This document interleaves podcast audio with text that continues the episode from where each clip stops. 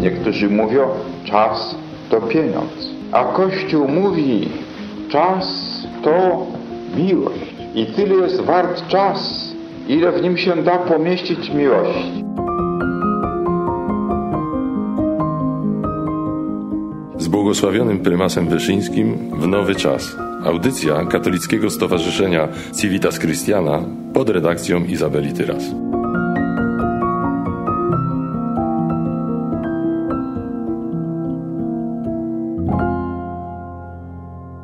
Jego osoba jest kolejnym przykładem tego, że Polska na przestrzeni różnych epok ofiarowała i dalej ofiaruje Kościołowi wybitne postacie świętych, mężczyzn i kobiet.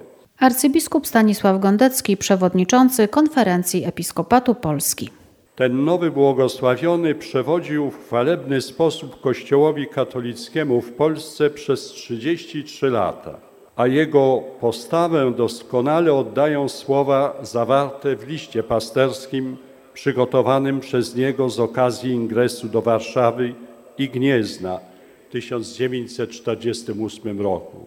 Mówił on: Nie jestem ja ani politykiem, ani dyplomatą, nie jestem działaczem, ani reformatorem, ani natomiast, y, natomiast jestem waszym ojcem duchownym pasterzem i biskupem dusz waszych.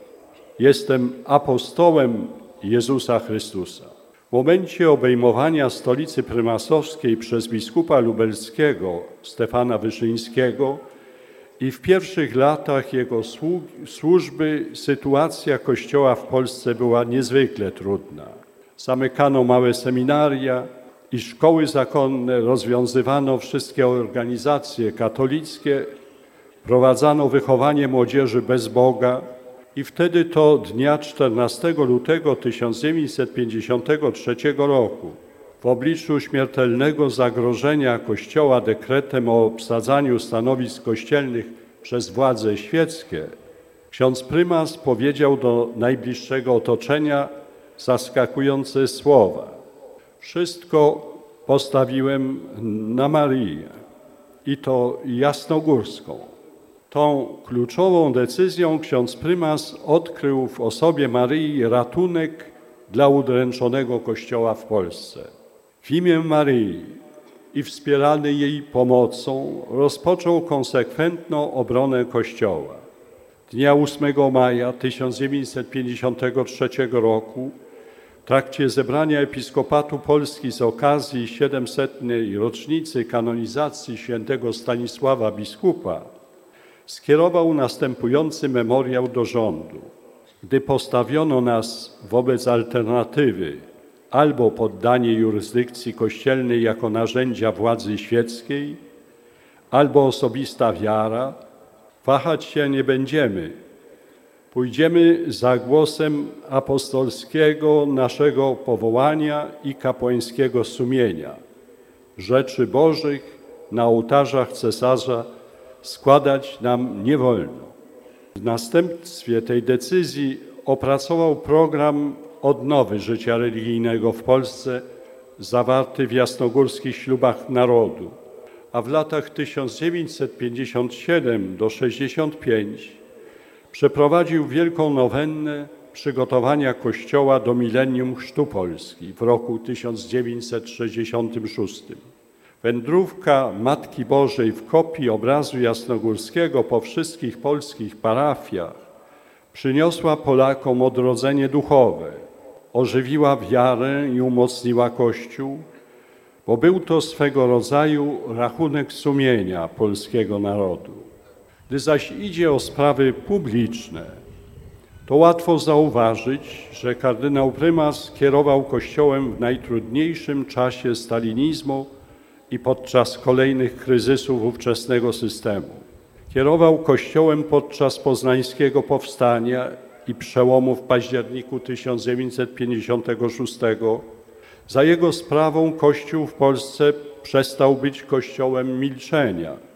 Podczas obrad Soboru Watykańskiego II w listopadzie 1965 roku Wystosował orędzie do biskupów niemieckich zawierające przebaczenie i prośbę o pojednanie obu narodów. Odnosił się dalej do rewolmy, rewolty studentów i inteligencji w 1968, krytykował interwencję wojsk PRL-u w Czechosłowacji, a następnie masakrę robotników Wybrzeża w 1970. Gdy doszło do masakry robotników w Gdańsku, mówił: Wasz ból jest naszym wspólnym bólem. Gdybym mógł w poczuciu sprawiedliwości i ładu wziąć na siebie odpowiedzialność za to, co się ostatnio stało w Polsce, wziąłbym jak najchętniej, bo w narodzie musi być ofiara odkupująca winy narodu. Brutalne represje, jakie spadły na robotników w 1976, wreszcie represje podczas strajku 80 roku, które doprowadziły do powstania Solidarności, znalazły w nim żywego uczestnika. Konsekwentnie bronił polskiej racji stanu, uznając dobro państwa za najwyższą normę działania.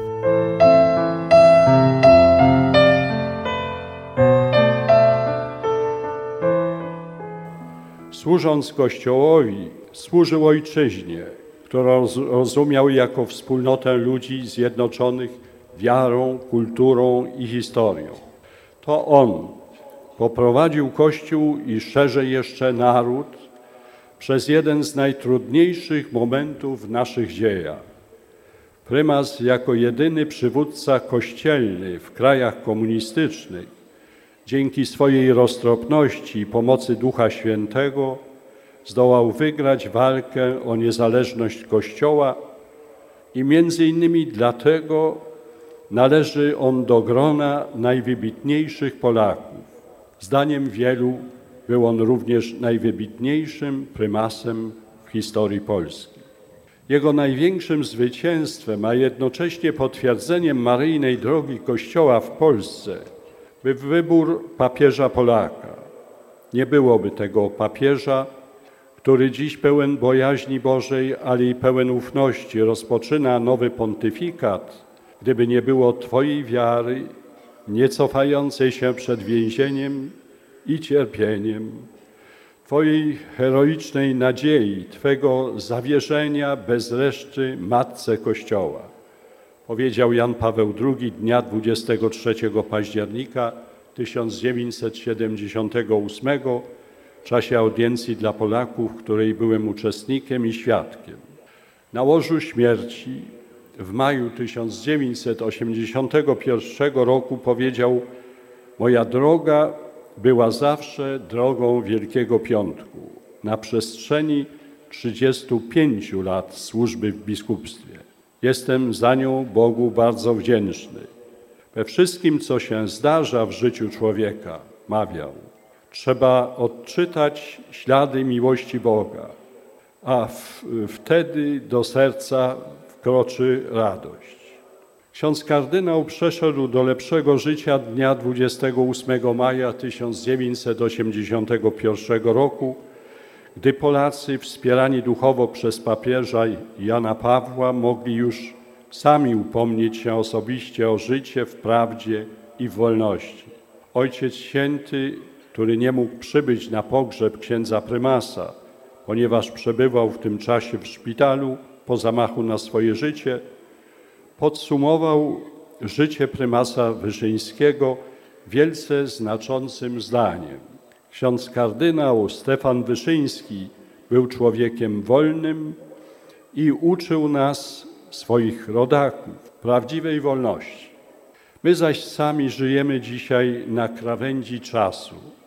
Wiek XXI nie tylko odmawia posłuszeństwa Bogu, ale nawet kwestionuje Jego istnienie, nie zważając na to, że bez Boga człowiek zostaje zdegradowany do sumy procesów biologicznych i chemicznych oraz uwarunkowań społecznych. Człowiek zostaje uznany za zwierzę o wyprostowanym chodzie. Wiek ten ulega bowiem pokusie, że naszą sprawę bronią się w pełni tylko wtedy, gdy uwalniamy je od wszelkich norm prawa Bożego, choć w ten sposób godność osoby ludzkiej nie tylko nie jest chroniona, ale wprost ginie. W tym czasie, mimo laicyzmu, religia jest sprawą prywatną, jest pogwałceniem elementarnych praw człowieka, a ponadto także pogwałceniem rozumu, bo wszystkie elementarne akty człowieka odpowiadają jego wspólnotowej naturze, a w związku z tym są publiczne. Jest to czas domagania się tolerancji wyłącznie dla siebie i niedopuszczania jej dla tych, którzy myślą inaczej. Czas niewoli ducha, tym dotkliwszej, że przez wielu zupełnie nieuświadomionej. W podobnej sytuacji błogosławiony prymas mawiał zawsze, gdy szczególnie ciężko, gdy ciemności ogarniają ziemię, a słońce już gaśnie, gwiazdy zaś nie dają światłości, trzeba wszystko oddawać Maryi.